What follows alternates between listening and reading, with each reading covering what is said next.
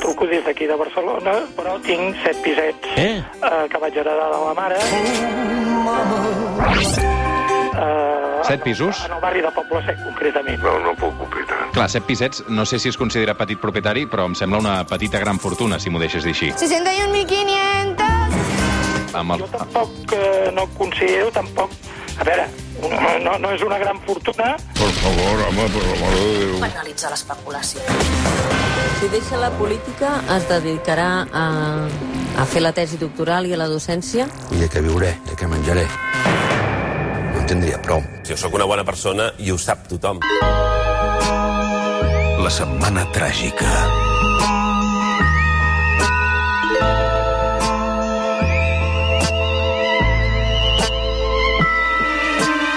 A Londres, una temporada més, Toni Rodon, doctor europeu en Ciències Polítiques, investigador a la London School of Economics. Què tal, Toni, com anem? Bon dia, bona hora, què tal? Ion Sindreu, periodista, columnista del Wall Street Journal. Ion, com estàs? Bon dia, bon dia. Amb, amb son, amb son. Ja no, no estava acostumat, eh, ja, a llevar-me els diumenges. Però, eh, clar, o sigui, expliqueu-me quina és la vostra situació personal, perquè crec que el Toni porta eh, molts dies tancat a casa, no, Toni? Sí, jo, jo estic una mica amargat, eh? perquè avui, de fet, eh, és el 14è dia que estic tancat a casa, perquè, com, com potser saben els nostres oients, eh, aquí, si vens de, de l'estat espanyol, eh, si vas cap al Regne Unit has de, has de fer quarantena durant 14 dies, i avui precisament és el 14è. Per tant, a la que acabem aquesta secció escapa, eh, penso sortir disparat cap a fora i fer alguna cosa diferent del que porto fent durant els 14 dies que he estat a casa. O sigui, has estat 14 dies disciplinadament tancat a casa uh, per complir aquesta quarantena que exigeix el Regne Unit uh, als, als viatgers que venen de fora, en aquest cas eh, d'uns països determinats, sobretot en el cas d'Espanya. Uh, com ho vigilen, això? Com ho controlen les autoritats, Toni? Doncs una mica com el que, la manera que han controlat eh, tota la pandèmia, que és eh, suggerint qüestions però eh, fent veure doncs, que les implementen però no les acaben d'implementar del tot bé. És a dir, m'explico. Eh, en principi, quan un viatger ve d'aquests països que, que estan en la llista negra, per dir-ho eh, d'alguna manera, com és el cas de l'estat espanyol, han d'omplir un formulari. No? I en aquest formulari, doncs, en el meu cas, eh, has de posar doncs, en quin lloc estaràs, a un telèfon de contacte i et demanen que estiguis disponible eh, durant aquests dies perquè et poden trucar o fer una visita a casa. Nosaltres, en 14 dies, no hem tingut cap trucada ni cap visita. Mm, això no vol dir que, que no es facin altres, en altres casos, però pel que es veu a la premsa ho fan amb, amb un 20% de casos. Ho deuen fer de forma aleatòria. I a tu no t'ha tocat. I a mi, de moment, no, no, no m'ha tocat. Home, tu que ets una persona esportista, que t'agrada sortir a córrer cada dia, que a més estàs en forma i tens aquest eh, cos atlètic envejable, eh, deu estat complicat estar 14 dies a casa, no? Eh, Pensa que m'he avorrit tant que fins i tot m'he comprat una Play. Què dius ara, una PlayStation? Sí, sí, I- imagina't, eh? Amb 35 anys eh, fem una regressió al I a, qui, passat. a quin joc has estat jugant? Doncs mira, pensa, el primer dia, eh, quan, quan vaig rebre la, la videoconsola, eh, vaig comprar un joc d'aquests de futbol i, i el primer partit vaig decidir jugar-lo contra l'Espanyol, eh, sent el Barça. Eh, eh, a més a més, vaig posar la, el nivell de dificultat el més baix possible. Saps aquell, saps aquell nivell que bàsicament els rivals són bàsicament tontets? I vaig, vaig favor, guanyar respecte, 13, eh? Vaig guanyar 13 a 0, eh? I, I la Marina em va veure allà al sofà mentre jugava, jo ri, rient sol com una hiena davant de la, de la pantalla. Imagina't, aquest era el nivell. Un respecte i una abraçada a tots els seguidors pericos que tenim al suplement, que són molts. Uh, començant per Carlos Baraibar. Uh, uh, Ion, tu com estàs? Bé, jo, el meu cor sagna per Toni Rodon, eh? perquè ell diu que porta confinat 14 dies, jo porto des del febrer o el març, que pràcticament no surto de casa, uh, i clar, no he fet quarantena perquè no he anat al lloc. He estat aquí, en aquest, en aquest seient on estic ara, des de... Sí. O sigui, clar, tu, Ion, que no trepitges la catalana terra, uh, deu fer un temps llarg, eh? Sí, sí, ja fa bastant, ja fa bastant. Estic aquí gaudint de, del fantàstic clima i, no? I, i, oportunitats d'oci que ofereix a Londres en confinament. Uh, escolta'm, uh, Ion, Toni, uh, hi ha una cosa que em, no sé si vosaltres em podeu ajudar a resoldre, però ara que parlem de quarantenes, uh, el, el Toni eh, fa molt èmfasi, clar, una quarantena nosaltres parlem de 14 dies en el cas d'aquesta pandèmia, no? Uh, però, en canvi, fem servir aquest concepte de quarantena. Sabeu d'on ve això? Bueno, uh, aquí ve d'una expressió it italiana, uh, que ara jo no sé italià, no sé si ho pronunciaré bé, però es diu, uh, és una cosa així com 40 giorni, i de fet es, uh, s'aplicava ja a la, a la República de Venècia amb els vaixells que, que arribaven de llocs conflictius mm. uh, en, el segle, en el segle XIV. Um, per sort, eh, no hem agafat la literalitat del tema i no són 40 dies, eh, si- sinó que són 14. Però bé, l'origen es troba eh, inicialment aquí. Mm -hmm. Molt bé, molt interessant. 3 minuts per arribar a un quart d'onze del matí. Això és un nou capítol de la Setmana Tràgica, Economia i Política, amb aquesta dosi d'irreverència que ens ofereixen el professor Rodon i el columnista del Wall Street Journal, Ion Sindreu. Avui eh, volíem parlar de reptes econòmics del nou curs, d'estabilitat política necessària o no per la recuperació econòmica, però a veure, ho- farem una, un exercici, ho farem diferent, d'acord? És a dir, el guió aquest que tinc ja... Aleshores, eh, jo us ofereixo dos temes i vosaltres... de- Barça o CaixaBankia, què preferiu? Home, cal parlar de la caixa, no? Seriós, ens posem seriosos aquí. Sí, home, sí. I tu, Toni? Sí, sí, també. Jo faig cas a Jon, sempre. O sigui, que, o sigui, comencem per Caixa... Però, a veure, un, un, un, un petit moment de Barça me'l me donareu, no? Va, va, endavant. Doncs eh, arrenquem amb, amb aquesta pregunta. Um, bàsicament, a mi el que m'interessa de tota aquesta operació és com a contribuents, um, si això um, com ens pot afectar, si pot ser perjudicial per nosaltres o no. Com a contribuent o com a client, Com a- escapa? Cap, uh, ca, perquè, clar, són dues coses diferents. Eh? Aquí hi ha, hi ha dos debats. Mm, D'entrada com a contribuent, no? Com a contribuent. O sigui, a, a veure, a, a, al final la, la pregunta no, que la gent s'ha estat fent aquests dies és els, els calés aquells que vam posar no, uh, com, a, com a país uh, tornen o no? no? Eh, Aquesta seria una gran pregunta. Uh, I la resposta clarament és no. O sigui, però, però, però a veure, a veure, ara, aclarim diverses coses. Primer, eh, s'hi van posar, eh, que ho recordi bé, crec, 24.000 milions eh, d'euros en total, eh, a, a Bànquia. Um, llavors, clar, aquí, eh, ara mateix, eh, el que ha passat no, des, de, des de la gran crisi financera del 2008 és que, eh, com que els tipus d'interès estan molt baixos, eh, eh, les regulacions bancàries han pujat moltíssim no, per aquest tipus de bancs, Uh, aquests bancs, a més a més, tenen l'amenaça d'empreses tecnològiques i de noves empreses, no? com, com TransferWise, com Revolut, aquestes petites empreses que se'n diuen fintech, que també els amenacen, no? I, i que tenen una, una capacitat de, de, de flexibilització tecnològica molt superior, en, en la, seva profit, o sigui, la seva profitabilitat dels bancs ha caigut moltíssim i, per tant, les seves accions han caigut moltíssim. Llavors, si tu mires uh, el valor que ara mateix no, Uh, fins i tot després d'aquesta de, pujada eh, uh, uh, en el mercat de, dels últims dies, té Bankia al mercat, són 4.000 milions. Mm. Uh, el 62% encara els té uh, el govern a través d'aquesta matriu, que és el Banco Financiero de Ahorros. Uh, per tant, uh, quin valor té el govern en el mercat a borsa ara mateix? Són 2.500 milions d'euros en Bankia. Recordem, eh? 24.000 que s'hi van posar. Per tant, per recuperar-los, el, el preu hauria d'augmentar 10 vegades. A, a més a més d'això, eh, el, el govern no es quedarà ja amb aquest 62%, sinó que després d'aquesta fusió segurament li quedarà un 14%. Per tant, encara serà molt més difícil que això algun dia es pugui revaloritzar. Però és que encara que si que nominalment, diguem, no, uh, uh, pugés tant, que sembla impossible, uh, doncs hauríem de descomptar la inflació, hauríem de descomptar fins a quin punt el govern hauria hagut de, o podria hagut d'invertir aquests diners en algun altre lloc i guanyar molts més calés. Per tant, és evident que ni el rescat de Bànquia ni la resta tornarà, no? al contrari que, que als Estats Units, on, on recordem que el 2012, en principi, eh, els, el govern ja va recuperar els diners que havia utilitzat per rescatar bancs. Um, de totes maneres, i ara deixo que, que el Toni s'esplai, eh? però um, jo vull començar el curs recordant uh, el meu concepte preferit, que és que el diner és una ficció. Eh? Això sempre ho dic i, i és així. A l'hora de la veritat, com que els governs s'inventen els diners no? I, i poden imprimir tants paperets com els hi doni la gana, uh, a més a més, el diner es crea i es destrueix tota l'estona dins l'economia, que el govern recuperi o no uns diners, conceptualment, pff, jo crec que no, té, no és una pregunta amb massa sentit. La pregunta és si seríem més rics o més pobres. No? Si, si els bancs se n'haguessin anat tots a, a, a fer punyetes el 2008, l'economia encara hauria patat més fort. Uh, aquesta és la pregunta. Avui en dia seríem més rics com a societat o més pobres? Jo no tinc una resposta, crec que no la té ningú, uh, però no no, no tinc massa esperances d'aquesta visió que diu que estaríem tots molt millor, eh, si tot hagués anat, uh, si tot hagués patat encara més, però bé, això no ho sap ningú. Toni. Sí, uh, no, de fet, a mi deixa'm agafar la pilota, Jon, de fet, per fer-te una pregunta, perquè que va una mica relacionat amb el que deia ara l'escapa, que en el fons aquí el, cost uh, que podem tenir com a país és, és el tancament d'oficines, no? Perquè ara estava mirant i, i Berkeley eh, calcula que una de cada quatre oficines de la Caixa i Bànquia es troben molt a prop. Per tant, són oficines potencialment que es tancaran i, per tant, són gent que se'n pot anar al carrer, no? Sí, penseu que, que el, el 2008 els bancs, eh, jo recordo eh, anar, per exemple, a Sant Cugat i, i veure un carrer que tot eren oficines bancàries. Eh? Mm. Uh, hi havia 45.000 oficines aproximadament uh, a l'estat espanyol.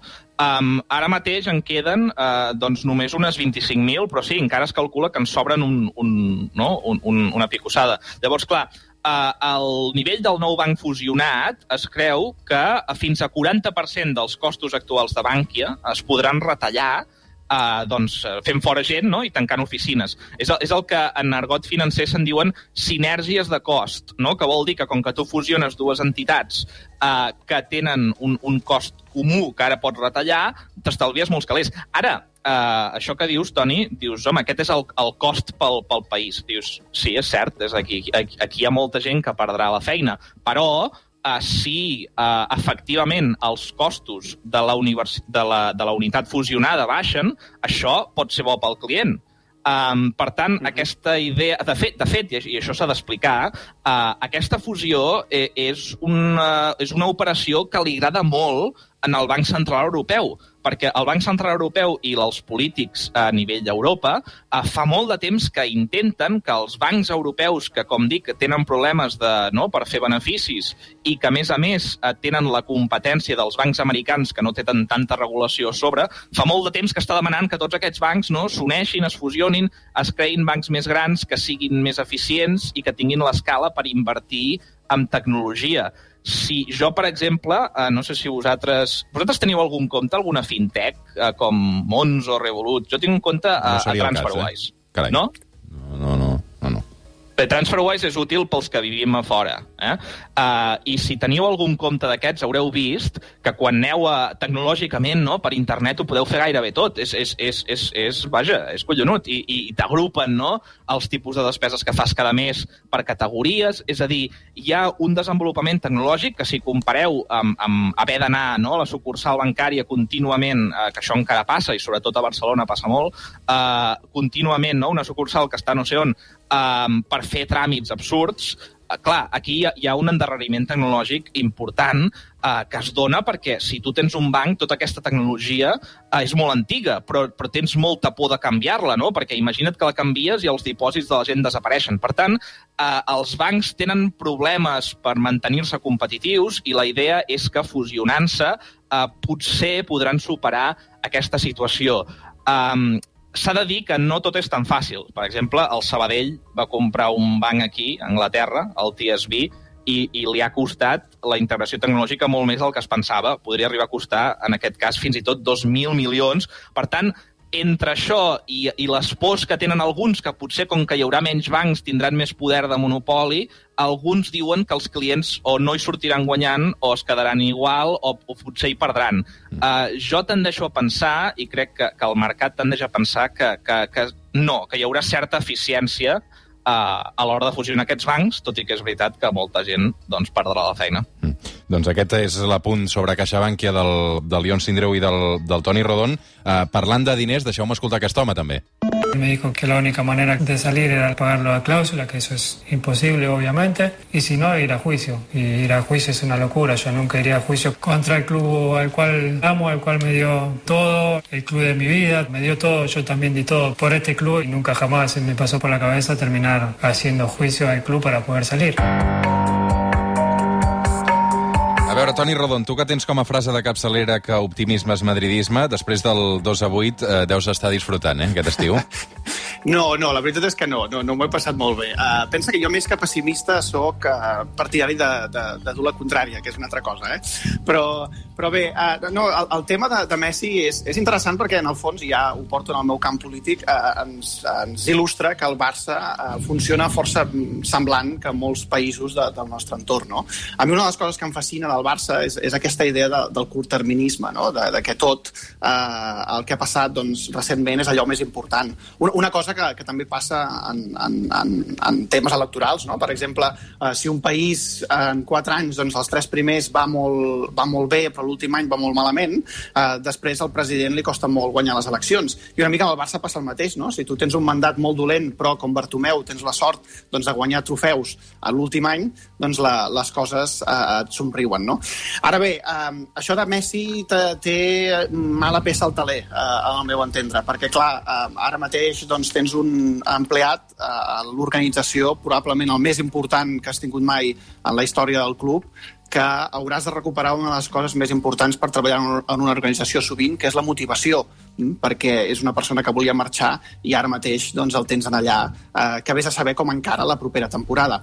Ara també és veritat que Messi és tan bo que fins i tot desmotivat doncs, pot ser millor que tota la resta. Però bé, això ja ho veurem. I on, portant-ho a la plana econòmica, eh, s'ha parlat molt d'aquests 700 milions de clàusula de Messi que ningú podia pagar ni volia pagar, eh, s'ha parlat del preu de sortida, també s'ha parlat que ven el 70% de les samarretes del Barça, que és un titular que molt llaminer, que ens va cridar molt l'atenció, però que tu hi veus matisos, no? És rellevant a l'hora d'atorgar-li un valor? És a dir, quan pot costar Messi? Es pot comparar el seu preu amb la quantitat de samarretes que ven?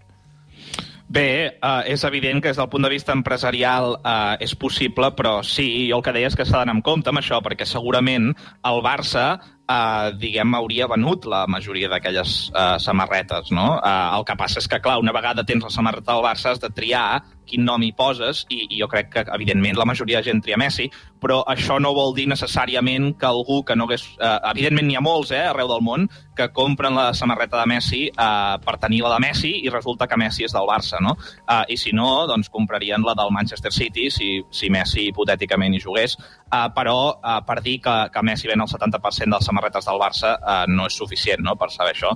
Um, el valor de Messi com a actiu. Bé, eh, això és una cosa graciosa, eh? Tècnicament eh, val zero o, o prop de zero, perquè els jugadors del planter, eh, com que no els has adquirit, eh, a un altre club, en principi, sense aquest valor d'adquisició, comptablement eh, no compten com a actiu en el balanç dels clubs, no? i per tant, quan els vens, en principi et pots apuntar tots els calés. Que, eh, recordeu que això no sempre és així, eh? Recordareu aquell intercanvi, no?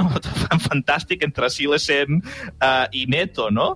En què tu eh, doncs, intercanvies aquests dos jugadors perquè comptablement a nivell financer eh, els jugadors que tu has comprat eh, es fa allò que s'amortitza el cost cada any, no? Eh, cada any doncs, els hi restes una mica del valor d'adquisició i, per tant, si ja has amortitzat part del valor, si els vens per un preu similar als que els vas comprar, o fins i tot si els intercanvies dient que els has intercanviat pel mateix valor, resulta que et pots apuntar de cop un munt de benefici que, que fa que els números ja no surtin vermells. Per tant, aquí hi ha enginyeries comptables fascinants eh, amb els jugadors, eh, fascinants i bastant preocupants, eh, però a l'hora de la veritat, qui sap no, què val Messi? És, eh, el problema sempre de la comptabilitat en finances és que no saps eh, els actius, tu pots donar-los un valor i pots fer uns models matemàtics i el, tot el que vulguis però a l'hora de la veritat ningú sap què val res. Eh? Per tant, en el futbol encara és pitjor.